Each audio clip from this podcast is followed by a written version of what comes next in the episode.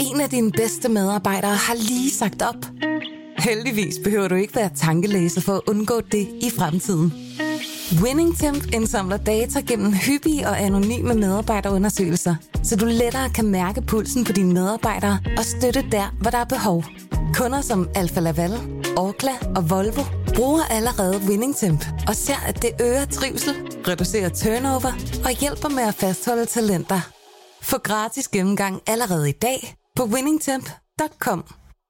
Podcasten er sponsoreret af Maxus, som netop er lanceret i Danmark med 100% elektriske biler med moderne teknologi og højt udstyrsniveau. Find din forhandler på maxus-danmark.dk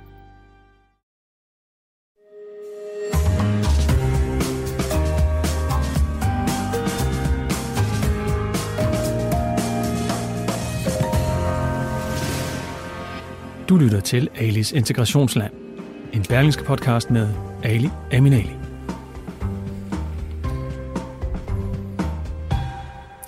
Så er det tirsdag igen. Velkommen til alle sammen. Tak fordi I kigger med. 578 lærerstuderende til statsministeren. Din retorik gør vores opgave sværere. Det lyder lidt specielt, for at være ærlig. I et åbent brev lægger 578 øh, lærerstuderende navn til en kritisk eller til en kritik af statsminister Mette Frederiksens måde at tale om indvandrerdrenge. Ifølge de lærerstuderende gør statsministerens retorik deres fremtidige opgave med at løfte alle elever sværere. I brevet skriver de lærerstuderende, at det er deres pligt som kommende lærere at gøre opmærksom på, at statsministeren ekskluderer sprogbrug ved at have konsekvenser. Blandt andet med henvisning til regeringens sprogbrug i forbindelse med opholdsforbud, stationer, bycentre og alle de her forskellige ting. Fordi man netop har erfaring med, at unge med indvandrerbaggrund skaber utryghed. Men de mener, som sagt, at det her ekskluderende sprogbrug vil have konsekvenser. To af de lærerstuderende, dem har jeg med mig i dag. I har været med til at forfatte brevet. Øh, I vil sådan på en eller anden måde øh, hjælpe mig med at forstå, uddybe jeres begrundelser og bekymringer. Skal vi ikke bare lige uh, sige ja til hele panelet, og især jer? Tak fordi I faktisk overhovedet vil være med. Vi starter med dig, Nina Christensen. Mm. Velkommen i studiet. Du står fysisk med mig. Det gør jeg. Du var en af dem, der har skrevet uh, det her brev fysisk. Ja. Ja. Og vi har også en anden med uh, via telefon. Uh, Mikkeline Larsen. Er du med? Yes, hej. Hej. Tak fordi du også vil være med. Det er dejligt, jer to. Så kan I hjælpe hinanden i forhold til lige at ping-pong, hvis det nu er, der skulle være Yes. noget. Så Mikkeline, du deltager bare øh, og råber højt. Jeg lytter med, og giver dig ordet, hvis det er. sikkert. Det er godt. Ellers så har jeg også andre i studiet. I skal jo ikke, I skal jo ikke bare stå her og hygge med mig. Øh, lad os starte med dig, Henrik Dahl, uddannelsesordfører for Liberal Alliance, sociolog. Velkommen til. Tak skal du have. Dejligt, du kunne være med. Og øh, ved siden af mig har jeg Esma Birdi. Birdie. Birdie. Birdie. Jeg kan ikke det med øh, øh, efternavn. Indehaver af Forældreakademiet, og har faktisk kendskab til det her med at arbejde med de såkaldte indvandrerdrenge og deres forældre. Og også, vil jeg sige, indvandrerpiger også, tænker jeg umiddelbart. Præcis. Men altså, lad os komme i gang med den her øh, samtale, debat, og øh, jeg bliver jo nødt til at kigge på dig, Nina. Mm. Fordi det er jo dig, der er hovedperson, eller dig og Mikkeline og to andre. Og 578 andre. Og lærerstuderende. 578, ah, det er også en af de ting, jeg virkelig er interesseret i at høre, hvordan hulen I kunne gøre det. Men lad os lige starte med den her. Lad os få det på plads. Hvem var det, der reelt tog initiativet til at skrive dette brev? Jamen, det var en af mine medstuderende, der henvendte sig til mig blandt andet, og nogle af de andre brevskrivere. Fordi at det, vi oplever lige nu i den politiske debat, mener vi er skadeligt for folkeskoleelever, og den for de elever, der er i folkeskolen lige nu, er bare ikke kun øh, hvide middelklasses elever. Det er et meget bredere spektrum af elever, og vi har bare en forpligtelse til, som lærere og kommende lærere, hvilket vi er, at være med til at undervise og løfte opgaven for alle de her elever. Og det føler vi med en retorik lige nu, der stigmatiserer frem for at... Så det var retorikken, der gjorde, at I besluttede for at, at skrive det her brev. Ja, Ja, både- Mikkeline, må jeg lige få dig med også? Øh, hvad, Ja. hvad gjorde, at du sådan besluttede dig for at sige, jeg vil også være initiativtager til det her brev? Øh, jamen, altså, jeg var jo grundlæggende bare enig med, øhm, med initiativtageren på, på projektet, eller hvad man kan kalde det. Og, øh, og jeg, jeg mener heller ikke, at det kun er retorikken, men det generelt er øh, den politiske agenda og Så det var også lidt tonen i debatten. Samfundsstrukturen, ja, Ja. præcis. Og det, det handler faktisk heller ikke kun om tonen. Det handler om rigtig mange ting, og det stikker dybere end det. Men, men jeg tror lige på det tidspunkt, var der bare så mange udtalelser, som ligesom fik vores blod til at koge lidt, og var lidt sådan, nu bliver vi simpelthen nødt til lige at, at, at, at sige et eller andet. Okay. Og, og gøre et eller andet. Hvordan, bare sådan kort, før vi sådan åbner op for ordene, for de andre også skal deltage i den her samtale, øh, hvordan fik I så mange til at skrive under på det brev? Fordi altså, en af grundene til, at jeg blev interesseret i det her brev overhovedet, det var, at for det første, det var et fagområde, det var lærerstuderende, men det er jo rigtig, rigtig mange. Det er jo 578. Mm. Det er jo ikke bare 10, 15, 30 eller 20 velkendte forfattere eller en eller anden øh, skuespiller. Mm. Hvad, hvad gjorde I? Mikkeline, lad mig spørge dig først. Ja, øhm, jamen altså, vi, øhm, vi udformede det her brev, og så, øh, og så lagde vi det på vores øh, sociale medieplatforme på Facebook og på Instagram, og hvor vi bare opfordrede vores øh, venner og familie og følgere på, på de her sider til at, til at dele det, hvis de kendte nogen, der også var lærerstuderende, og som kunne ligesom skrive sig ind i den her øh, tanke. Øhm, og så gik det bare rigtig stærkt.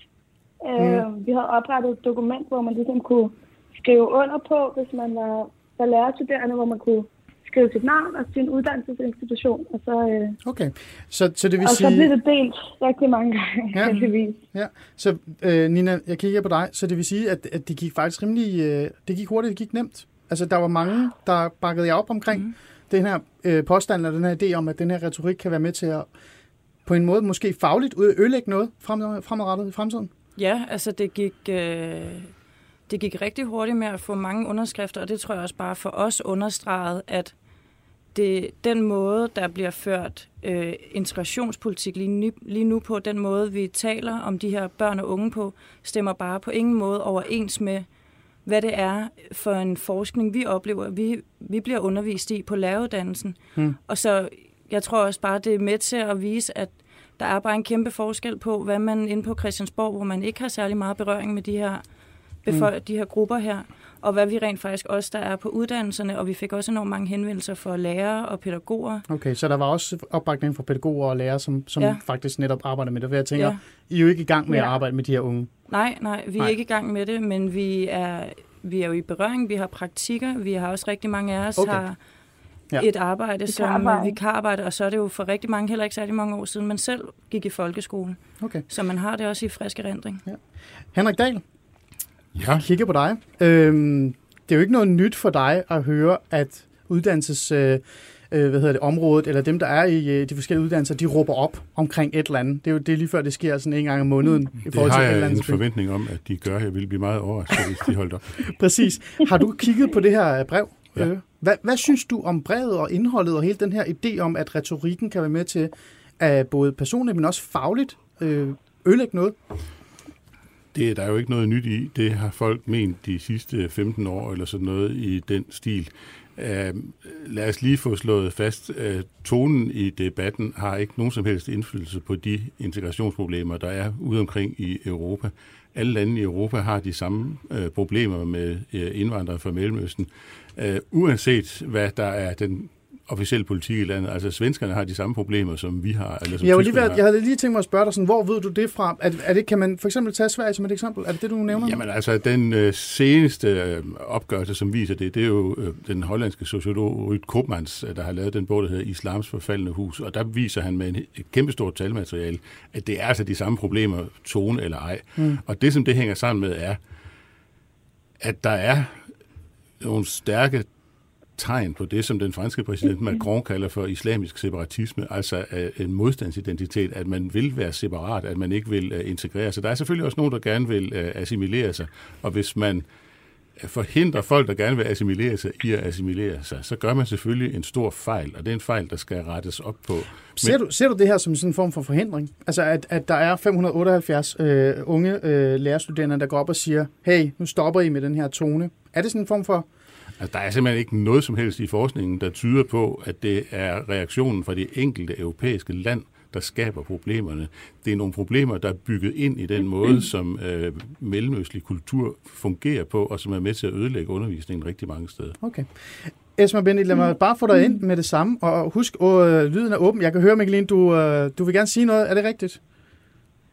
Ja, ja, det får du at vide. Det får du lov til lige om lidt. Det får, det får du lov til lige om lidt. Det er godt, du, øh, du rummer dit, din stemme så meget. Hvad, hedder det? Hvad, hvad tænker du øhm, i forhold til den her... Du har også læst brevet, kan jeg gætte mig til. Hvad tænker du i forhold til den her retorik og den her påstand om, at det faktisk fagligt, men også personligt kan være med til at ødelægge noget?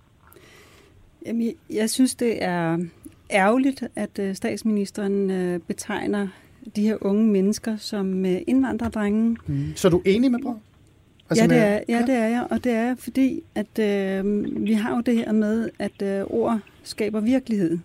Og det vil sige, at øh, de bliver bekræftet i at være indvandrerdrenge. Det er ikke fordi, de ikke er indvandrere, mm. men indvandrerdrenge bliver kædet sammen med ballademager. Mm. Du kan simpelthen øh, slå op i øh, på Google og skrive indvandrerdrenge. Det er meget, meget sjældent, at der kommer noget positivt omkring indvandrerdrengen. Mm.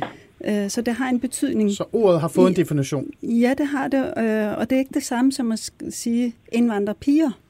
Indvandrerpiger er anderledes i forhold til indvandrerdrenge, fordi indvandrerpiger, det er de gode, det er dem, øh, som bare tonser af i forhold til uddannelse og sådan noget.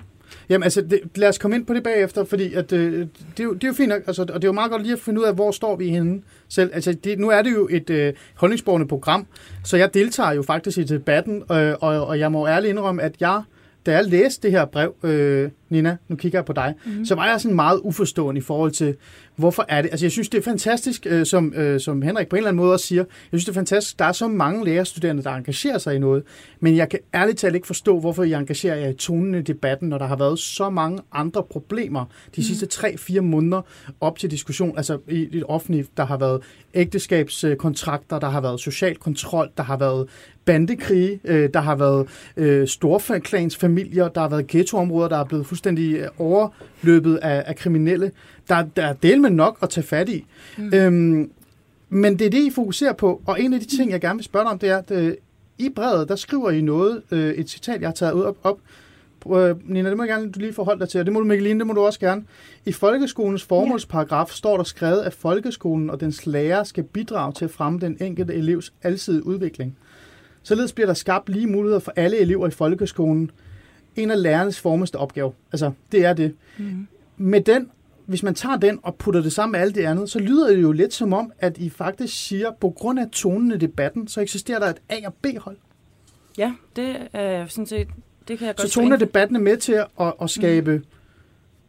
altså, brune unge, i... eller et eller andet, eller hvad, hvad, hvad, hvad, prøv at fortælle mig. Jamen, tonen i, i debatten er jo netop med til at gøre sådan, at når du opremser alle de ting, der er sket de sidste tre måneder, så gør du også de her elever til repræsentant for alle de her ting, der er sket de sidste tre måneder. Men er de ikke det, fordi de er jo en del af den målgruppe? Altså, de er jo en del af den gruppe. Nå jo, men hvis det var folk for majoritetsdanskere, der, hvor der var sket de her ting, så bliver jeg næppe gjort til repræsentant for, hvad der er nogen et andet sted med samme kulturelle baggrund som jeg. Hmm. Der, bliver jeg der bliver jeg aldrig nogensinde gjort til repræsentant for det, fordi jeg tilhører majoritetskulturen. Men lige så snart at det er en minoritetskultur eller en minoritetsdansk kultur, så bliver man bare pludselig gjort til repræsentant for alt det her. Og vi bliver bare nødt til at erkende, at folkeskolen er bare for alle. Og folkeskolen, og der er det her lighedsprincip. Men føler du, at folkeskolen lige nu ikke er for alle? Ja, det føler jeg ikke, nej. nej. Mikkeline, har du den samme følelse, bare kort? Øh, ja, men, men jeg vil også understrege, at, at det skal jo heller ikke kun handle om tonen igen. Altså, det, det handler jo også om, at hvis tonen i debatten er på den her måde, så legitimiserer den det mm. for øh, andre lærere, for, for voksne og for, for børn også, som, altså, som måske at bruge den øh, øh, har kendskab til de her ting. Ja. Præcis. Okay. Og, og det er jo så det, der problemet ligger, fordi det, det kommer til at, at, at afspejle sig i den måde, de her elever bliver mødt øhm, ja lad, lad os spørge Henrik, Henrik Dahl. Altså, hvad, hvad tænker du omkring det? Jamen, jeg ved slet ikke, hvor jeg skal starte og begynde, men altså, lad os starte i hvert fald med at sige, at vi er nødt til at være lidt uh, præcis, når vi snakker om indvandrere, fordi det er jo ikke indvandrere fra Holland eller USA, vi taler om. Det er indvandrere fra Stormellemøsten, og det er dem, der er problemer med. Så det er i hvert fald en ting, vi skal slå fast. Indvandrere, det er ikke... Så det er dem, Mette adresserer, når hun, når hun siger for eksempel indvandring, ja, eller andre tager bruger de... Selvfølgelig er det det, og der mm. kunne hun selvfølgelig godt uh, være uh, mere præcis. Så er jeg altså bare nødt til at slå fast, altså man har de samme problemer alle steder i, i Europa, så det har simpelthen ikke noget at gøre med den strategi, det enkelte land har. Mm. Og man vender altså lidt op og ned på, hvem der er offer, og hvem der er forbrydere her. Fordi hvis I tager sådan en person som Gezi Amiri, hun har fortalt i Danmarks Radio meget udførligt om, hvordan det er at være lærer ude på Vestegnen. Og hun siger, at, at det er simpelthen så svært at få de her skolefremmede øh, børn til at bidrage med noget som helst konstruktivt, mm. fordi de repræsenterer en modkultur og en meget destruktiv kultur, der ødelægger undervisning for andre. Så hvis jeg lige må gøre færdigt, det ja. som det drejer sig om, det er jo altså også, at, at det, er jo, øh, det er jo ikke offerne for den her dårlige opførsel, som vi skal gøre til, til de skyldige. Det er de skyldige i den dårlige opførsel, mm. vi er nødt til at have fat i, og de skyldige i den, den dårlige opførsel, det er jo en bestemt gruppe drenge fra Stormellemøsten, som har en modstandskultur. Mm. Bare lige for at få noget på plads, før jeg giver den videre til, til så du siger, der mangler også noget dannelse, især i den her gruppe? Ja, det siger Gezi Amiri. Altså hun siger, at hvis du har sådan nogle knægte, der har fået de, sådan fået de der shababs-idealer med, hvordan man mm. skal opføre sig og være en fandskal, jamen så er det altså bare virkelig, virkelig svært at komme nogen vejen. Og hvis du har sådan nogle stykker siddende i din klasse, mm. øh, så kan du ikke øh, råbe dem op, og, og de har en ekstremt øh, negativ indflydelse på alt, hvad der foregår i klassen. Det siger øh, Gezi Amiri, det siger jeg ikke. Mm. Øh, Mikkeline, lad mig lige få dig med, fordi nu, du skal jo også nå at være med, ja. du skal flygte. Du får masser af tid, øh, det lover jeg, jeg kigger til højre for mig. Øhm, er der ikke noget sandhed i det her, øh, Mikkeline? Fordi altså, for at være lidt, lidt grov over for Jamen. dig og, og Nina, der står ved siden af mig, I har jo ikke selv været i den her situation. I har jo ikke været ude og undervise de her unge sådan i en længere periode, som for eksempel GTMA øh, har gjort. I har jo ikke rigtig sådan et eller andet sted oplevet muligvis de her problemstillinger, den her mangel af dannelse. Så er der ikke noget i det her? Altså, nu, nu vil jeg sige, at jeg har oplevet diskrimination i folkeskolen, både på mit arbejde som vikar, men også øh, da jeg selv gik i folkeskole. Ikke mod mig selv, men mod elever, øh, som øh, har hvad, hvad oplevede du? baggrund. For nu nævner du diskrimination, og jeg tænkte mere om mangel af dannelse. Men lad mig høre, hvad var det, du oplevede? Øhm, altså, jeg har både oplevet, at elever er blevet talt rigtig grimt til af lærere.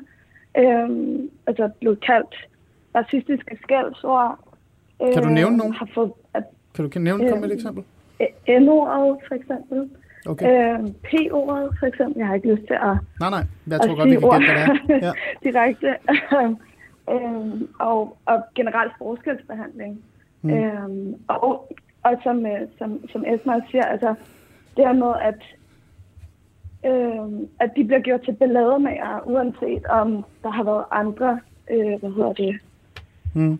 Men hvis vi lige lægger den... involveret ja. i en men, sag, men, så, så det, det er altså godt... den, der får skylden. Og... Ja, det kan jeg godt følge dig i. At det er jeg også... vil sige, at i, i, i fagligt aspekt af det, så, så er det også svært at lære, noget, altså, at lære noget, hvis du er i et læringsrum, som ikke er tillidsfuldt, og som ikke er trygt.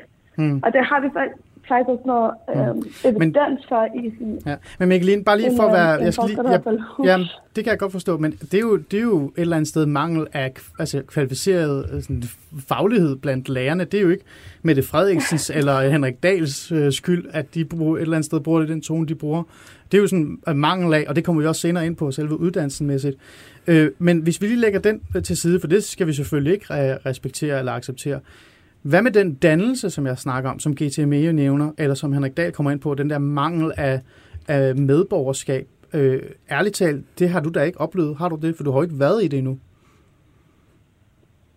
Altså, jeg skal lige forstå, hvad du mener med Jamen altså, det her med at komme ud på, en, på, komme ud på en skole, så opleve den her mangel af, af, hvad hedder det, af dannelse, mangel af at, at være en del af fællesskabet, fordi man netop mangler noget hjemmefra. Og, ikke, og det kommer ikke på grund af tonen i debatten. Er der ikke noget, altså, er der ikke noget rigtigt i det? Jeg kan, lige, jeg kan give viden til Nina, hvis der er, hvis du ikke vil. Det må du gerne. Nina? Ja, altså jeg synes, det med mangel på dannelse, altså det er med, og hvem er medborger, og hvem er ikke medborger, og hvem må få lov til at være med i vores lille fællesskab her. Altså det synes jeg også bare er, altså vi bliver også nødt til at give plads, og der er der mange også majoritetsdanske elever, der kommer fra vidt forskellige baggrunde, der måske ikke lige har øh, læst Halkok eller Grundtvig eller gået på højskole og køber ind på øh, alle de danske idealer. Men det er bare igen det der med, men jeg har bare, uanset hvilken øh, kulturel baggrund jeg har, så per automatik, så er jeg lige et step højere end de andre elever, fordi at man tænker, hun er jo dannet, hun er jo dansk. Og jeg synes, det er det, der er problemet. Og så kan, det, kan jeg høre, når Henrik Dahl siger, ja. at uanset hvor i Europa du kigger, så er der problemer. Det tror jeg sådan set øh, er rigtigt nok, at der er rigtig mange problemer. Det vil jeg slet ikke afvise. Men hvor vi bare går ind og siger, at vi må også begynde at kigge på, hvad det er, der skaber de her problemer. Det skaber nemlig, at vi konstant ikke inddrager de her mennesker i medborgerskabet. At vi er med til at opretholde den her det, modkultur. På grund af tonen? Nej, tonen er, symptom, altså, det er jo et symptom på det her. Altså okay. tonen er også, hvis jeg bare lige må svare ja. på det med tonen, altså det handler jo om, hvad ligger der til grund for tonen. Og det er jo heller ikke, nu er det snart heller ikke et spørgsmål om tonen længere, fordi det er jo også efterhånden et spørgsmål om lovgivning. Når vi snakker ghettopakken, når vi snakker kommende tryghedspakke, ja. så, er det jo, så kan vi godt kaste tonen ud af vinduet, for så er det jo lovgivning nu. Så bliver vi nødt til at gå over til lovgivningsmanden herovre, mm. Henrik Dahl, folketingsmedlem for LA. Svensk integrationspolitik i årtier har gået ud på at, at, at kæmpe meget, meget hårdt for det, vi på dansk ville kalde den gode tone, og det er kæmpe utrolig hårdt for øh, medborgerskab. Det har faktisk gået så langt som til, at man måske ikke har talt nok om problemerne, og, og det har sådan i sig selv øh, så skabt nogle nye problemer i, i Sverige. Men det korte og det lange er bare, at den svenske approach, som er meget den approach, øh, du gør dig til talsmand for. Øh, det er exakt. Jamen, det, det, du siger, det minder meget om det, man gør i Sverige, selvom du ikke ordret har sagt, du gør dig til talsmand for en, en svensk tilgang. Den løser ikke nogen problemer, og det er fordi, de problemer, de kommer fra nogle grupper af elever fra Mellemøsten, som tager noget mellemøstlig dominanskultur med sig, og som man er nødt til at dæmme op for på en eller anden måde. Mm. Vil du lige have lov til at svare på den hurtigt? Ja, det vil jeg gerne. Altså, jeg, gør, jeg mener ikke, at jeg gør mig til talsmand for en svensk approach, og jeg føler også måden, man ser den svenske tilgang til det der med at være totalt laissez-faire, berøringsangst og farveblind. Og det er slet ikke det, som er vores hen, hensigt med det her. Det handler bare om, når du træder ind i et klasserum, og skolen er jo ikke et vakuum, der er jo, altså skolen er jo påvirket af alt, hvad der foregår rundt om den. Men når man træder ind i et klasserum, så har mange lærere bare farvede forventninger. Så vil de automatisk have en lavere negativ forventning til de minoritetsdanske drenge. Kan du bevise en, det?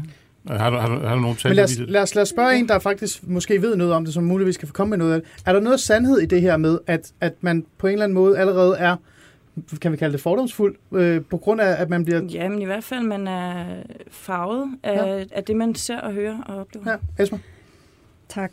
Uh, lad mig lige slå det fast uh, en gang for alle, at uh, jeg er slet ikke tilhænger af den svenske model. Det er godt. Jeg kan heller ikke lide den svenske model, så det er godt, at vi alle sammen prøver i hvert fald til afstand. Ja, fordi jeg synes, det er for ekstremt. Uh, det, det er ikke sådan, man skal føre integrationspolitik på overhovedet. Men der er, det er ikke, altså, når jeg siger det her med tonen og, og, og statsministerens retorik, Øh, så er det fordi, at øh, det legitimiserer, at andre kan benytte sig af den. Mm. Det er den ene ting. Og så skal vi også være øh, ret skarpe på, hvem er det, vi taler om, når vi siger indvandrerdrengen. Mm. Fordi indvandrerdrenge er ikke kun dem, der kommer fra Mellemøsten, det er det også. Men de kommer også fra alle mulige andre lande. Og jeg var også ked Hvilke af, lande, hvis det var? Jeg, jeg var også ked af, at øh, det blev øh, kædet sammen med muslimer. Altså vi siger indvandrerdrenge og så muslimer. Der er rigtig, rigtig mange, også blandt øh, mellemøst øh, mennesker, øh, befolkning her i, i, i landet, som ikke er muslimer, men de, øh, de bliver også puttet ind i den kategori, kategori, og det er de rigtig, rigtig ked af. Så, så det gør noget ved folk, øh, hvordan de bliver øh, opfattet eller i talesat. Mm. Så derfor det er jo ikke noget nyt, at vi kalder den gruppe for indvandrerdrenge. Det har vi hørt øh, i medierne og mange, mange andre steder. Altså, det er ikke første gang, det ord bliver brugt? Nej, nej, men det gør en forskel, når en øh, statsminister gør det. Okay. Det, det, det, det, ja. det, jeg tænker. Fordi når en statsminister bruger det her, så kan det også virke som en øh, selvopfyldende profeti for de her øh, mennesker. Okay. okay, det er sådan, øh, det ja. bliver set. Det kan jeg godt følge. Os. Hvad med i forhold til de her fordomme, som på en eller anden måde dukker op af sig selv, netop fordi at statsministeren eller Henrik Dahl som politiker, eller umiddelbart også mig, fordi jeg er også kommet til at bruge ordet indvandrerdreng, eller ikke-vestlige drenge eller andet. Øh, altså, er vi medskyldige til at skabe den her fordom hos, øh, som, hos lærerne, eller er det, er det sådan, jeg skal forstå det? Altså, man kan ikke sige, at det er kun den ene part. Altså, øh, det er begge parter. Øh, begge parter har fordomme om hinanden. Og det kan skyldes, at vi ikke øh, taler nok sammen, eller øh, øh, kender nok til hinandens øh, øh, kultur eller måde at være på, og hvorfor vi gør, som vi gør. Mm. Fordi øh, når, jeg har jo øh, det her forældreakademi, som jeg har stiftet for snart 10 år siden, og, ja. og der er en grund til, at jeg har gjort det, det er fordi, at den måde, som vi har forældresamarbejde på her i Danmark, øh, den har bare ikke fungeret, og det har den ikke gjort i, i tre årtier nu. Men det, er jo ikke, altså det synes jeg er interessant, fordi det er også netop, jeg har der i studiet. Det, men det har jo ikke noget at gøre med tonen i debatten at gøre. Altså det har jo ikke noget at gøre med, hvordan vi har i talsat, for eksempel, at vi skal have flere visitationszoner eller andet. De ting, de kommer mm. jo, fordi der sidder en politiker i Folketinget, sammen med Socialdemokratiet, sammen, altså, der er jo en bred fløj, der er gået med til de her pakker, som, som det blev talt om. De pakker kommer, fordi der er nogle problemstillinger, som man skal reagere ud fra. Øh, de, jo, de, jo, jeg altså, synes, det er et problem, når man øh, øh siger indvandrerdrenge, og, og men man de sætter problemer har jo været der længe før vi begyndte at bruge ordet indvandrerdreng. Kan du følge, hvad jeg prøver at spørge? Altså sådan, du har jo haft det her akademi i 10 år, som ja. du siger. Det er jo ikke noget nyt for dig. Altså, der er jo ikke kommet nye problemer i går, fordi hun brugte ordet indvandrerdreng. Eller er der? Øhm, hånd det, på hjertet. Altså hånd på hjertet. Altså, jo, jo mere vi bruger det, jo mere bliver det udbredt. Men har der kommet nye øh, problemer, tænker du? Altså, så har du oplevet det? Jamen, jeg, jeg kan ikke sige, at jeg stedet har oplevet det, men jeg kan bare hmm, okay. fornemme, at øh, dem, vi kalder indvandrerdrenge, der er nogen, der er så meget påvirket af det, mm. at dem, jeg kender i hvert fald, de vil virkelig ikke øh, transportere sig på offentlige, ikke? ja, offentlige ja. transportmidler, fordi øh, der er blevet skrevet så meget om øh, de her uromager, der er i, i, øh, i togene og, og ja. det offentlige trafik ja. osv. Ja. Lad os tage det med Henrik, fordi det, det, er, jo, det er jo faktisk et væsentligt... Øh, pointe, eller noget, jeg også selv er begyndt at reflektere lidt over, Henrik. Bare roligt, det er ikke, fordi jeg har hoppet over endnu, men jeg har begyndt at tænke lidt over det. Den, den øh, retorik, eller den tone, der har været, er jeg jo enig i. Altså, jeg er jo sådan lidt, ja, tone i teori i debatten, den findes ikke. Det eksisterer ikke for mig. Det er irrelevant. Problemerne, det er dem, vi skal tale om, og vi skal tale højt om dem. Fordi hvis vi, ikke, altså, hvis vi vil løse noget, så skal vi jo netop tale om problemerne. Hvis vi ikke taler om dem, så løser vi dem aldrig. Men, men er der ikke noget i, at for eksempel, øh, jeg har engang talt med Pia Kærsgaard, som er et øh, formand for Dansk Folkeparti, hvor jeg sagde til hende, hun har faktisk øh, meget, øh, hun kommer meget ud til de her unge indvandrerdrenge, for de lytter til hende, fordi meget de er optaget af, hvad Pia Gersgaard siger. Mange af dem er også optaget af, hvad du siger, Henrik Dahl. Jeg har nemlig spurgt mange, øh, og de ser dig faktisk som en, en stærk, øh, borgerlig, liberal mand, som gerne vil lave, gå ned med lave skatter og sådan noget. Kan du ikke komme til at skræmme dem ved væk? De, de dem, som reelt set gerne vil være en del af fællesskabet, fordi man generaliserer. Eller er det bare, altså bliver man bare nødt til at generalisere? Jeg synes, vi skal tale åbent om de her problemer, og jeg synes, at øh, vi skal selvfølgelig tale ærligt om dem, men vi skal også tale præcist om dem. Det er selvfølgelig klart, mm. og, og det med at tale præcist om dem, øh, det kommer selvfølgelig øh, til at mangle nogle gange, fordi det er jo rigtigt nok, hvad Esma siger, altså i lande, hvor flertallet i befolkningen er muslimer, der behøver alle borgerne i landet ikke at være muslimer, så Libanon er et godt eksempel på ja. det for eksempel. Altså, og, og man kan også nævne øh, måske tidligere Ægypten, ikke? men altså, hvor kopterne jo er flygtet, mange af dem. Ikke? Men, ja. men altså, det, det er sandt, og det skal man selvfølgelig tage, øh, tage ind i sine betragtninger og, og, og være meget præcis.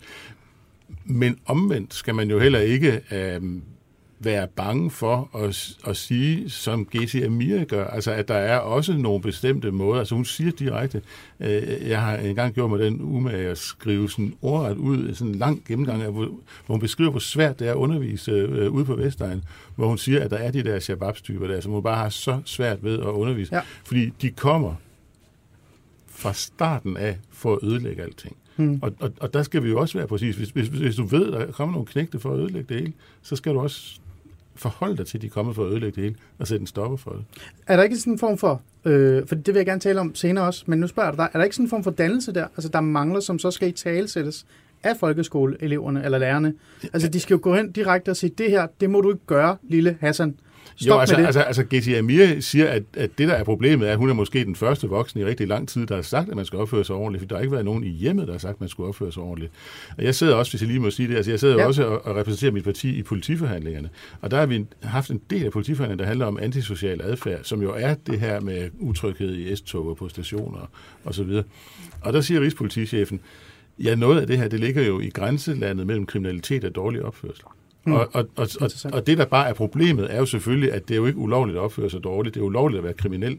Men den dårlige opførsel, det, der siger Rigspolitichefen så, når politiet kommer og, og kritiserer et eller andet, så er de jo tit de første voksne, mm. der har gjort det i forhold til de her mennesker, fordi de er ikke i et miljø, hvor man bliver kritiseret mm. for at være på den her måde. Okay. Mikkeline, vi skal lige have dig med, så får du Esben, fordi hun skal afsted her nu. Øh, på øh, falderæbet, før du øh, smutter. Øh, Mikkeline, er der ikke noget sandhed i det, som Henrik Dahl siger her? Altså øh, den her form for, hvad kan vi sige, ja, øh, mangel dannelse, eller hvad nu end man kan kalde det? Øhm, Altså det, det er reelt set Altså- det, der er det store problem, og ikke alt øh, det, som I Jeg synes, det var, har skrevet. groft generaliserende for være Synes du det? Øhm, Hmm? Ja, det synes jeg. Øhm, og jeg synes ikke, at man... Altså, jeg synes altså det her med, at de det, er jo, det er jo klart, at, at der ikke er, er nogen, der, øh, der siger fra, eller sådan, at, at de ikke bliver taget med i et fællesskab, hvis ikke at der er en konsensus om, at de skal med i et fællesskab.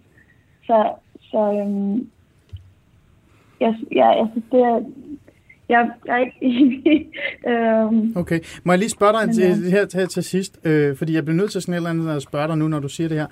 Øh, GTME, som vi har nævnt et par gange nu, som også har skrevet en, øh, en klumme som svar til jeres, øh, jeres brev, hvor hun Ja. går til kødet på jer og siger, at det er næsten identitetspolitik det hele, og I har faktisk ikke nok erfaring med det, og I mangler det, hun belyser allermest, eller også øh, råber allermest efter, det er faktisk øh, jeres øh, altså undervisning. Altså, I mangler undervisning. I ved ikke reelt set, hvordan det er at komme ud og arbejde med de her unge. I aner ikke, hvad de, hvad de slås med. Så derfor så, så bruger I tonen i debatten, eller siger det her generaliserende. Siger du, at GTME så er helt galt på den?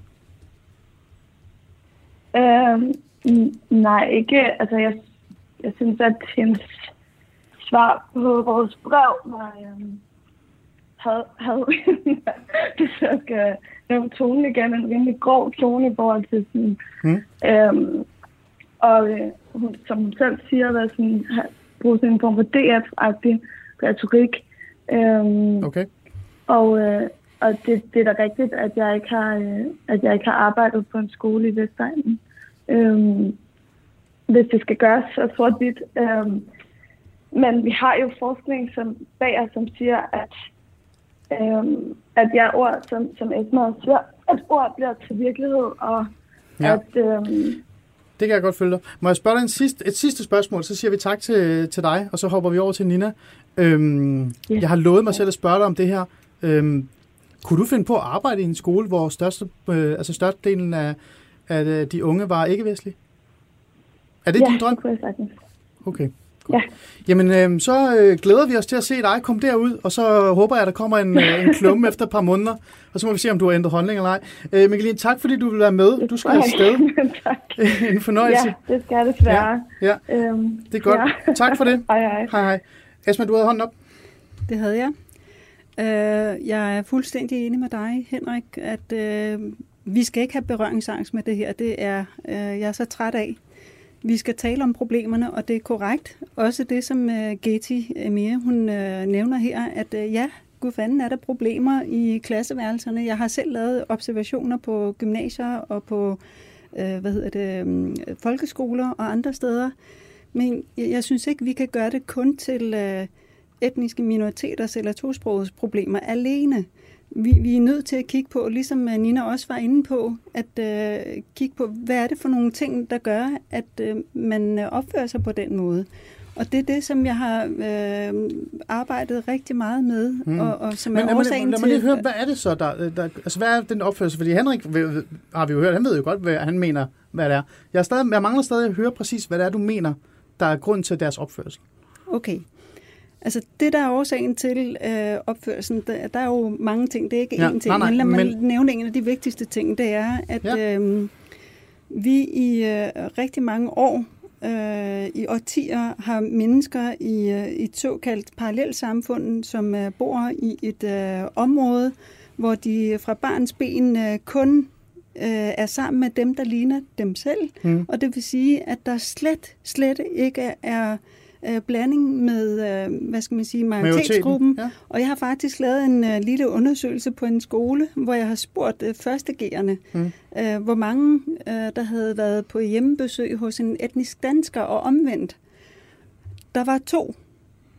Og øh, det er en klasse med 30 elever, og jeg har kun spurgt én klasse. Så kan I nok tænke jer til, hvordan pokker skal man finde ud af at afkode det danske, øh, den danske kultur? Fordi man er en del af sin egen kultur og sin egen boble? Ja, fordi at du, du tager jo øh, det her parallelsamfund øh, med ind, fordi mm. du ikke kender til andet. Men der bliver jo nødt til sådan at, at kigge på Henrik og sige, men Henrik, det er jo sådan noget, du siger. Altså, det er, jo, det er jo netop den her, man er ikke en del af majoritetskulturen, man er en del af noget andet. Og der sidder man fast, og man ender med at modarbejde faktisk den der Ja, men, men, men vi skal bare øh, passe på ikke at forveksle årsag og virkning, fordi øh, vældig, vældig ofte, så er det islamisk separatisme, som er udgangspunktet, og det er separatisme, der er udgangspunktet. Det er ikke nogen, der fortæller muslimerne, at de skal separere sig fra flertalssamfundet. Mm. Jeg tror, der er rigtig mange, der vil elske, øh, at folk gik ud og blandede sig, men man vil ikke være sammen med de vantro, og man vil ikke være sammen med de urene. Så der er virkelig og, og, noget og, religiøst. Og, og derfor holder man sig væk fra de urene, fordi mm. det, det har man en eller anden form for øh, tabu imod. Det er det kan enhver ekspert i, øh, i mellemøstlig kultur fortælle dig, at, at det der separatismeprincip, det har man. Men jeg, jeg vil godt, når jeg bad om ordet, så er det for at sige, at det er jo heller ikke de vestlige samfund eller de danske lærere, der er skyld i, at i de store klasser i folkeskolen og i gymnasiet, der kan det være svært at undervise på en fornuftig måde i Holocaust for eksempel, eller undervise på en fornuftig måde øh, i 9-11, eller det kan være svært at undervise på en fornuftig måde i øh, altså hvad skal vi sige, moderne konflikter i Mellemøsten. Det kan være svært at undervise i, øh, i litteratur, der har en erotisk dimension, og det er der meget litteratur, der har meget moderne litteratur. Der siger alle øh, lærere, som er bare lidt ærlige, at, at det kan volde store problemer. Og der, når den seneste runde i debatten skal vi jo ikke glemme, det var en fransk samfundsfagslærer, som mistede livet, fordi han passede sit arbejde og gjorde sin pligt som lærer. Og, og det er jo den situation, vi ikke vil have, at der bliver mere af. Og, og, og vi bryder os jo heller ikke om, at der måske ude i miljøerne sådan mand og mand imellem øh, er nogen, der går og siger, at ham der samfundsfagslæreren, han fik, hvad han havde fortjent. Ikke? Altså det, det, så, er der, så er der jo noget, der, er, der, er, der er helt galt, mm. hvis, hvis det er sådan, uh, snakken er mand og mand imellem. Ikke? Ja. Vi er nødt til lige at tage Nina med. Nina, ja. oplever du det, eller har du oplevet det, eller, eller hvad med, at du et eller andet sted, frygter du det ikke også, når du kommer ud? Altså Fordi, frygter, hvordan jeg skal undervise? Nå, ja, eller de her ting, som reelt set er svære at undervise i, fordi der netop er den her kultur, som Henrik nævner. Der er den her jo, modstand, jo. den her... Øh, jeg tænker ikke, at du går ud, øh, og det første, du underviser i, det er for eksempel Mohammed-tegningerne eller andet. Og hvis vi lige lægger det der med, om det er krænkende eller ej til side, men selve problematikken i det. Tror du jo. ikke, øh, at der er noget i det? Og har du, hvad med, har du selv oplevet det, for eksempel? Du selv har været i praktik. Har du prøvet noget af det? Jamen, jeg, altså, for lige at svare på, altså, jeg synes igen, altså, og der er problemer. Vi skal identificere problemerne, og vi skal finde ud af at løse dem. Det er jeg fuldstændig på linje med dig, Henrik, om, med dig, Esma, og med Geti om så langt er vi jo fuldstændig enige med hinanden. Jeg ser bare et, altså jeg har bare en anden analyse af, hvorfor problemerne de starter. Jeg synes, det handler netop om, at hver gang, at der sker et eller andet meget forfærdeligt ude i verden, som for eksempel halshugningen af den franske lærer, så igen, så skal de her elever, danske minoritet, altså danske elever i folkeskolen med en minoritetsbaggrund, de skal gøres til genstand for, hvad der er sket her. Det synes jeg er fuldstændig vanvittigt, og jeg synes, det er generaliserende, og jeg synes også, det handler om, hvad det er for nogle forklaringsmodeller, vi bruger til at forklare vores elevers adfærd. Når vi snakker om en majoritetsdansk elev som mig, eller som dig, Henrik, dengang du gik i folkeskole, så har vi et væld af forklaringsmuligheder til, hvorfor handler en elev, som de gør. Når vi så snakker om en minoritetsdansk elev, så er vi bare reduceret til kun at tale om én måde. Og det, og det synes jeg netop er med til også som du, som Esma snakker om, at der sker nogle selvopfyldende profetier, og jeg er fuldstændig enig i, at vi på læreruddannelsen og lærer generelt, og alle dem, der er i berøring med unge mennesker, vi skal være meget bedre til at snakke om, og vi skal også være bedre til at kigge på, hvad er det for noget indhold, vi har? Hvordan taler vi om det her indhold her? Taler vi det om øh, i en sort-hvid kontekst, i en mega, øh, i en vestlig øh, kontekst, eller prøver vi at brede det lidt mere ud? Ja. Og jeg, ja. Lad os, lad os høre Henrik svar på det. Fordi du i til ham jo. Mm. Jeg synes, vi er nødt til at være lidt mere konkrete, fordi i en, i, i en undervisningssituation, hvor øhm, det er besværligt at øhm, undervise i holocaust for eksempel, hvad skal man så gøre? Øh, jeg, jeg er faktisk modstander af, at, at, at man relativiserer øh, holocaust, hvis man nu skulle se det som en udvej at sige, ja, der er én forklaring, som går på Wannsee-konferencen, mm. og nazisterne øh, besluttede sig for at udrydde jøderne, men så er der en anden forklaring, som går på et eller andet. Det er en relativisering af, af holocaust, som er fuldstændig uacceptabel. Der må man sige, det er blevet fastslået hinsides en hver rimelig tvivl, at Wannsee-konferencen blev holdt, og endløsningen blev besluttet, og den blev gennemført, og det er mm sådan, det hænger sammen. Og hvis der er en eller anden, nogle skøre teorier i Mellemøsten, så er man nødt til at sige, at det er skøre teorier i, i, i, i Mellemøsten, og, og, og de kan ikke sidestilles med øh, det, som de bedste historikere, vi har, faktisk er nået frem til. Og jeg synes sådan set også, hvis du skulle lave et forløb, der, der handler om staten Israel, eller sådan noget, der, der, der bliver du også nødt til ligesom at sige, hvad, hvad var der for nogle begivenheder i FN og efter 2. verdenskrig, der konkret førte til, at staten blev skabt osv., øh, at, at det kan man ikke uh, relativisere. Nej, men bare lige i forhold til det med Israel, skal man lave et forløb om staten Israel, så må man jo også lave et forløb om landet Palæstina. Altså det er jo det, det handler om. Altså sådan, hvad er det for en ensidig kommunikation her? For jeg er fuldstændig enig med dig i, at vi skal lave forløb om svære ting. Vi skal kunne tale sæt svære ting. Vi skal kunne tale nøgternt og præcist om holocaust og hvad der skete op til det. Der Men, har aldrig eksisteret et land, der hedder Palæstina, så allerede der kan du jo se, at det bliver lidt svært, ikke? Mm.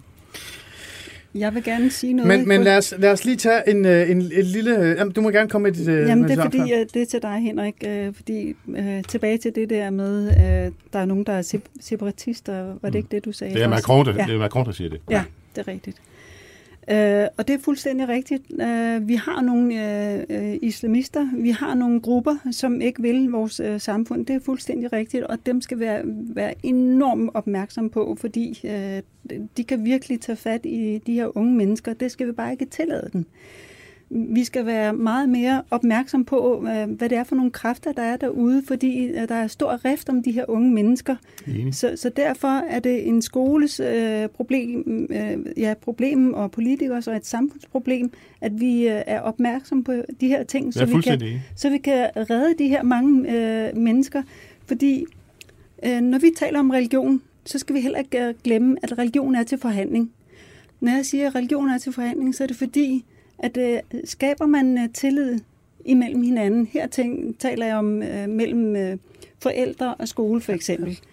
Øh, ja, for eksempel skal der, være, skal der være et bederum eller ej. Hmm. Øh, på et gymnasium. Så det synes har, du, der skal være et bedre rum? Det, øh, det, det synes jeg ikke. Nej. Og det har jeg, altså, jeg har faktisk haft et, et konkret øh, problemstilling med det her, som øh, vi har løst ved hjælp af, at vi har inviteret forældrene til et forældremøde på et gymnasium, hvor vi har fortalt dem, hvad er det for nogle konsekvenser, øh, der er ved det her? Hvorfor er det, den her øh, skole ikke vil have et bederum? Og ved I hvad? Forældrene var utrolig glade for, at vi var åbne og ærlige og kunne fortælle, hvad det var for nogle bekymringer, skolen havde. Og forældrene gik selv frem og sagde... Altså, du fremlægger det, det dialogens vej. Det er det ikke rigtigt? På en lige måde? præcis. Ja. Henrik, dialogens vej i stedet for tonen, eller den der hårde problemet er jo større, og, og, og, og der, i Europa har vi været for naive i 50 år, øh, og, og det er jo også det, Macron han øh, mærker nu. Frankrig er et spændende sted at se hen lige nu, fordi Macron har jo øh, taget en kamp med øh, det tyrkiske religionsministerium, øh, mm. Dianet, ja. som har en gammel aftale fra 1963, hvor de har ret til at sende øh, imamer til alle lande, der er med i det nuværende EU. Ja.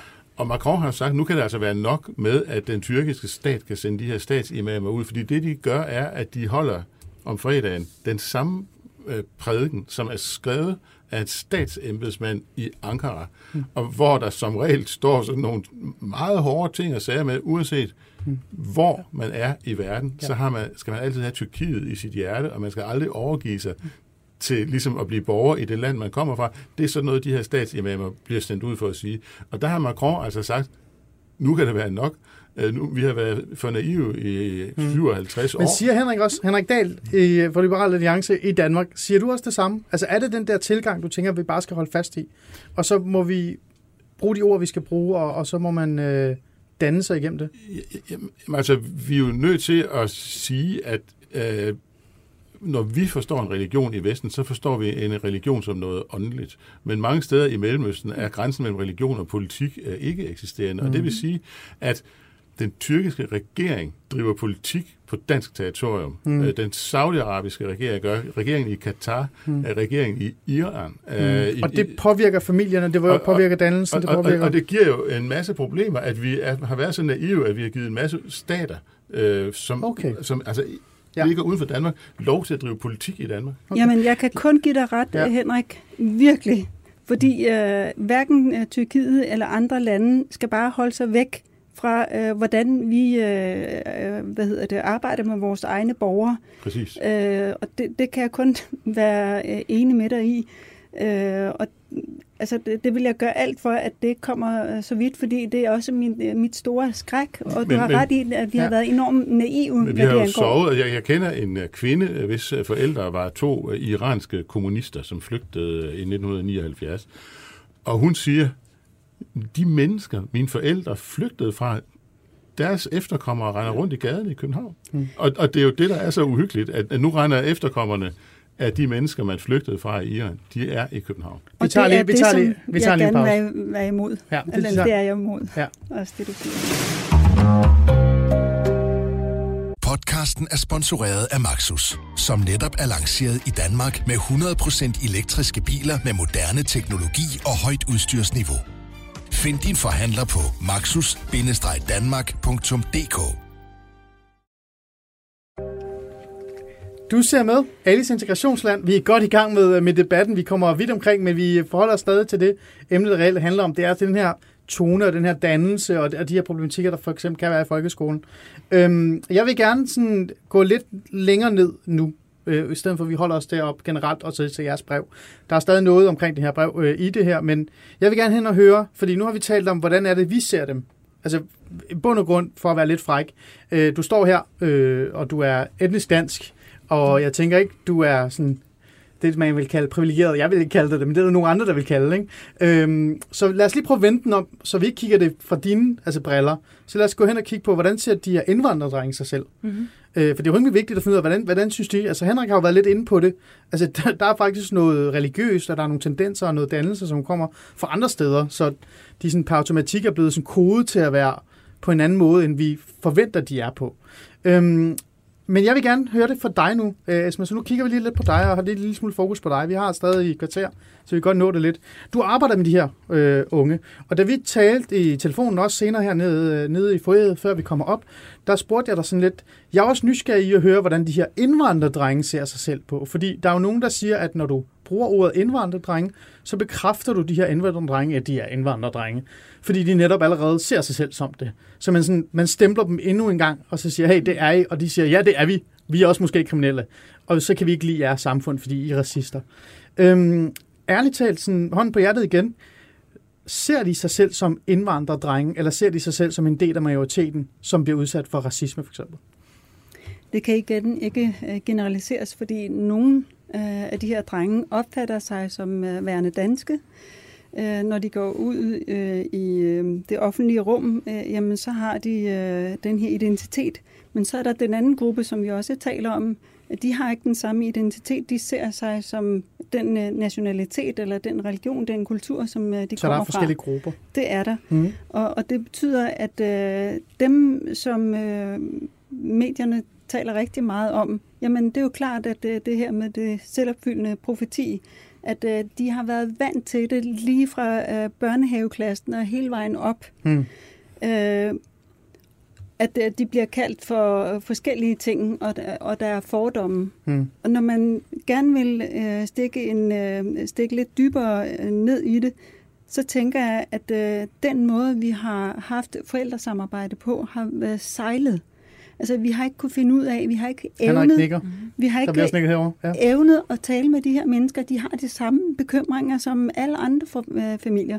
Vi har ikke evnet at få dem i tale, hvor vi ligesom kunne sige, prøv at høre, det der, det dur bare ikke. Og hvorfor dur det ikke? Men det er fordi, vi vil gerne have sådan et samfund. Vi, vi er et demokratisk samfund.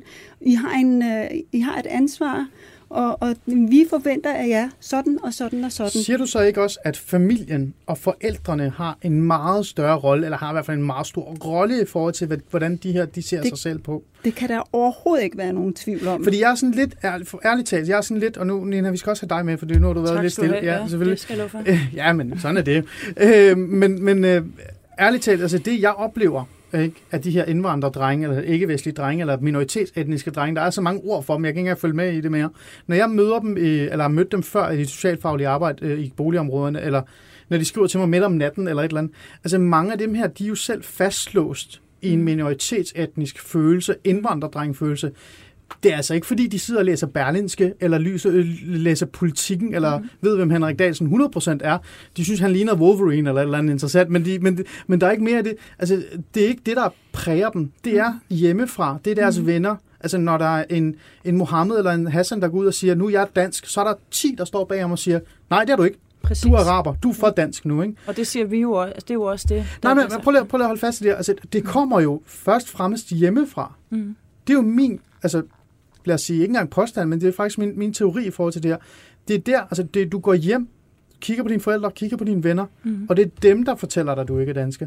Så er der ikke noget galt i den her øh, fokus på Henrik Dahl og politikerne? Mangler I ikke fokus på kulturen og Jo. på religionen Jo. og på selve minoriteten? Jo, det er helt sikkert, og det er jeg fuldstændig enig i, og det er jo netop også derfor, at vi skal på læreruddannelserne, på pædagoguddannelserne, på socialrådgiveruddannelserne, som du selv har gået på, der skal vi blive meget bedre til at blive, altså kvalificere os til at have de her snakke og tale. Altså, der er Leila Kolding, der er forsker inden for pædagogisk psykologi.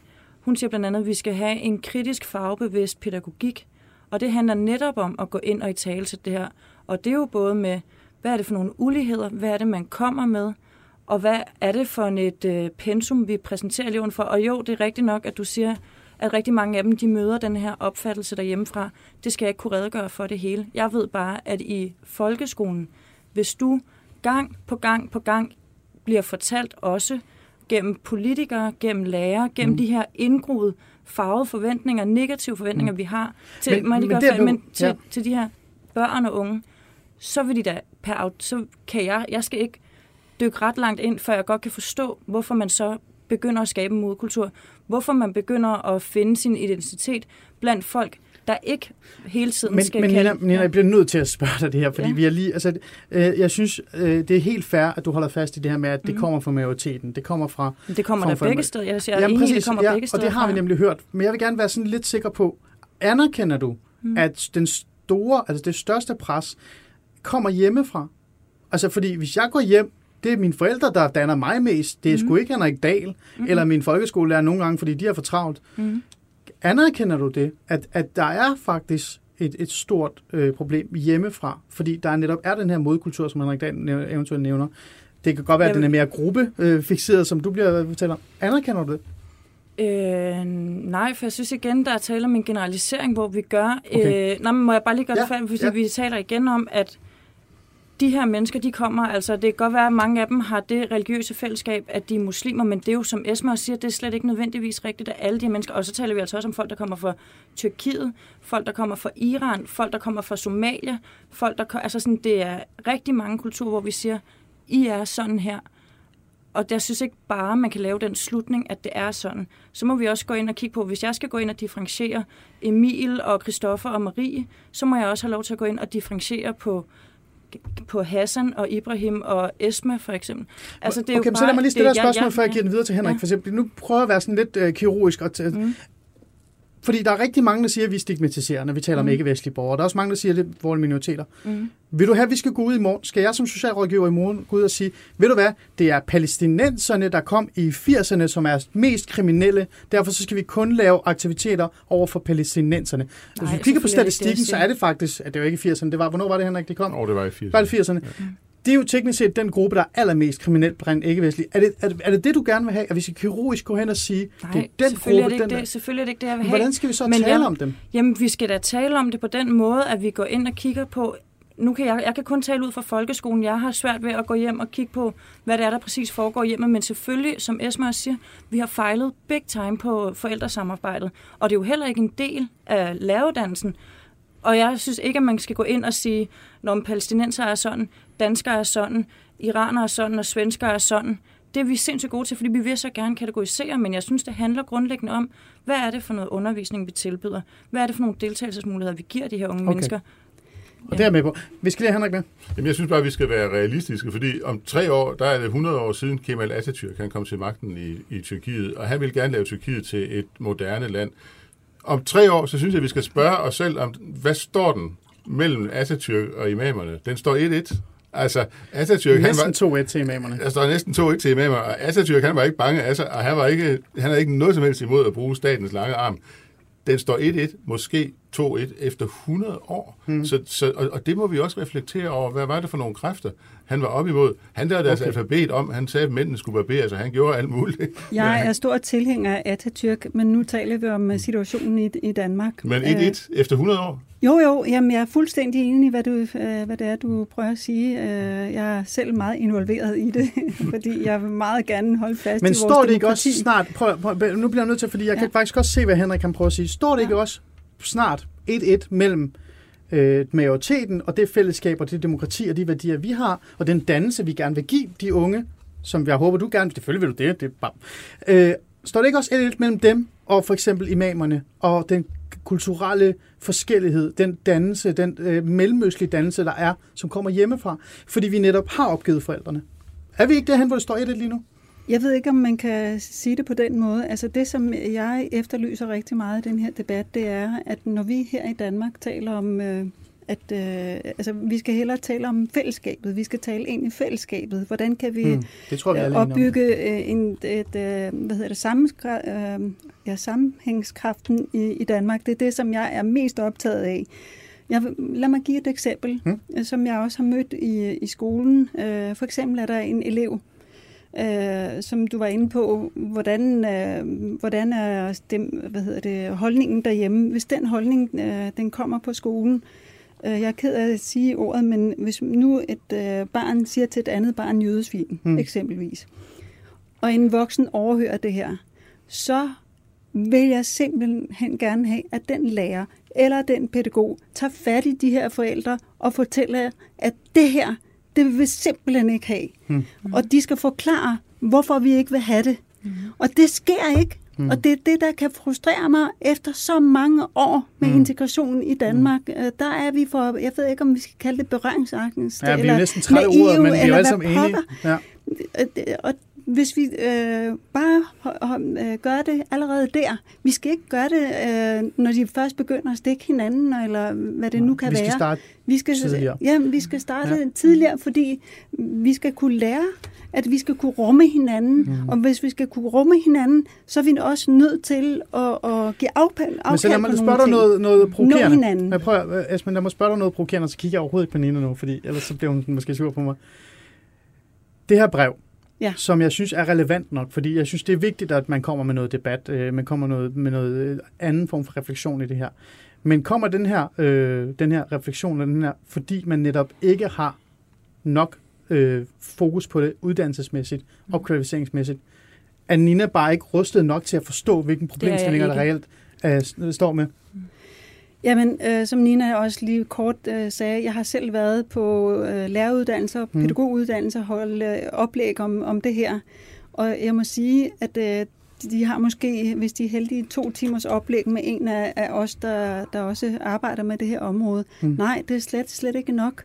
Mm. Og, og øh, der bliver faktisk også brugt rigtig, rigtig mange øh, penge på det. Men uanset hvor mange penge du vil bruge, øh, så nytter det ikke noget, så længe vi ikke snakker sammen. Hmm. Det, øh, vi er nødt til at Men, men det, er også, det er da også vigtigt, at Nina bliver uddannet i, hvordan man overhovedet skal forholde ja, sig til det. Altså at Nina får direkte at vide, for eksempel via hmm. undervisning, at kære ven, når for eksempel, det er, det er et konkret eksempel fra en børnehave i Gellerup, når der kommer en 4-5-årig over til en anden, der har fået lev på mad, og siger til ham, du kommer i helvede, fordi du spiser lev på steg, så skal man gribe ind i den grad. Mm. Og, og ligesom... Øh, jeg Men det har er der jo ikke. Jeg har undervist på politiuddannelsen øh, ja. for nogle år siden, Og der hørte jeg, at øh, for eksempel det her med menneskerettigheder, det var ikke et fag, man havde på politiuddannelsen.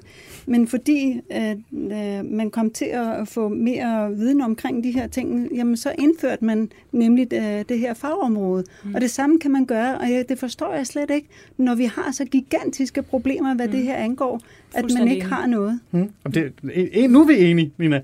Henrik? Jamen, jeg synes også, det er godt. Altså, det er bare vigtigt, at vi ikke vender forhold mellem årsag og virkning på hovedet. Altså, mm, okay. altså så, så, som du selv siger, altså separatismen, det, man må også gøre sig klart, hvor kommer separatismen fra. Ikke? Der er selvfølgelig nogen, der, der udvandrer fra, fra landene i Stormellemøsten, og som har et brændende ønske om at assimilere sig selv, og det skal man ikke øh, stå i vejen for. Men man er også bare nødt til at være fuldstændig realistisk og sige, at separatismen, den kommer også mange steder fra, at det er tabu at blive for dansk, og at du bliver stoppet, hvis ja. du bliver for dansk, og det kan få for pigernes vedkommende en meget negativ konsekvens, med at man bliver sendt tilbage til de lande, familien kommer fra, og så videre, og så videre. Ja, det er bare en gruppe i en gruppe, mm. der siger Ej, jeg vil det faktisk, Jeg vil faktisk sige, at det er en meget stor gruppe, fordi jeg... Øh, man skulle prøve at være mig en uge. Altså, jeg bliver dagligt konfronteret med, at jeg er for dansk, og det er der rigtig mange unge, der gør. Jamen, jeg har rigtig, er... rigtig mange unge i min indbakke, som er helt normale unge, som er i gang med at læse til gymnasiet og på universitetet, som de skriver til mig og siger, Ali, jeg er splittet, mm. fordi dem, der allermest øh, kritiserer mig eller udtaler sig racistisk over for mig, det er faktisk mine egne venner og mine forældre og min familie. Og det er ikke, fordi de gør det bevidst, fordi de er nogle onde mennesker, men det er, fordi de reelt set ikke vil have, at jeg skal blive for dansk. Så jeg bliver nødt til bare lige at påpege, at det er altså en større gruppe. En sidste ting, Nina, fordi vi er ved at runde af. Øh, nu har I kritiseret øh, Mette Frederiksen. Mm. Og jeg synes, kritikken ligger lidt på højrefløjen. Altså, øh, af en art, fordi det er den der toneteori eller andet.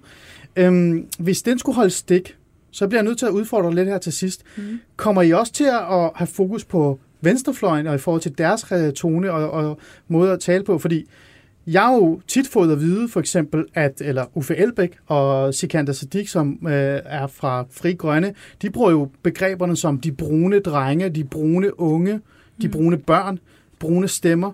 Er der ikke også noget stigmatiserende i det? Det der med, at, sådan, at man går så langt, når man reelt set begynder at kalde folk efter deres hudfarve? Jo, helt klart, og det kommer jo tilbage til, at vi bare har skabt et kæmpe demmer-os-forhold, som vi ikke kan bryde med, og vi på en eller anden måde prøver at skabe et sprog for det her.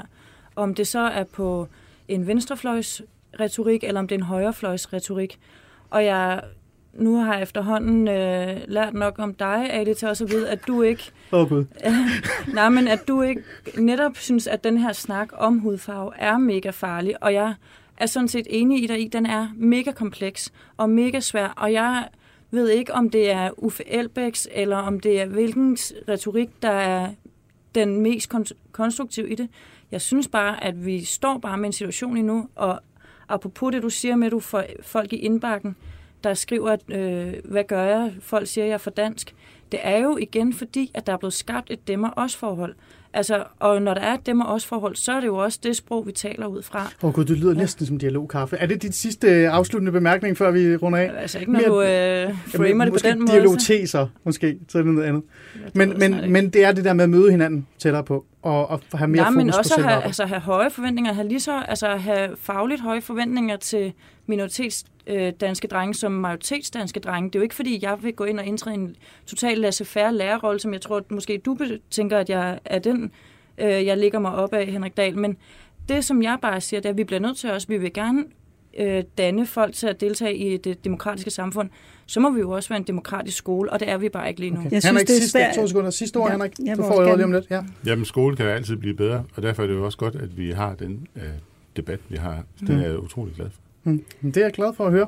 Og jeg vil gerne slå slag for, at øh, de moderate kræfter og de, de demokratiske kræfter, der også er i miljøerne, at det, de også får taletid. At vi ikke kun taler om dem, mm. der har problemer, fordi ja. de er altid glemt i, i alt det her. Mm. Så øh, ja. det er rigtig vigtigt. Og så, så vil jeg slutte af med en lille hurtig ting, før vi ligger på, fordi jeg er ikke fan af toneteorien, men jeg vil bare gerne påpege for det borgerlige Danmark, at der er rigtig, rigtig mange, som vi snakker om, Esma, øh, med ikke-vestlig baggrund, minoriteter, som faktisk er ekstremt borgerlige. De vil gerne starte deres egen virksomhed, de vil gerne have billigere biler.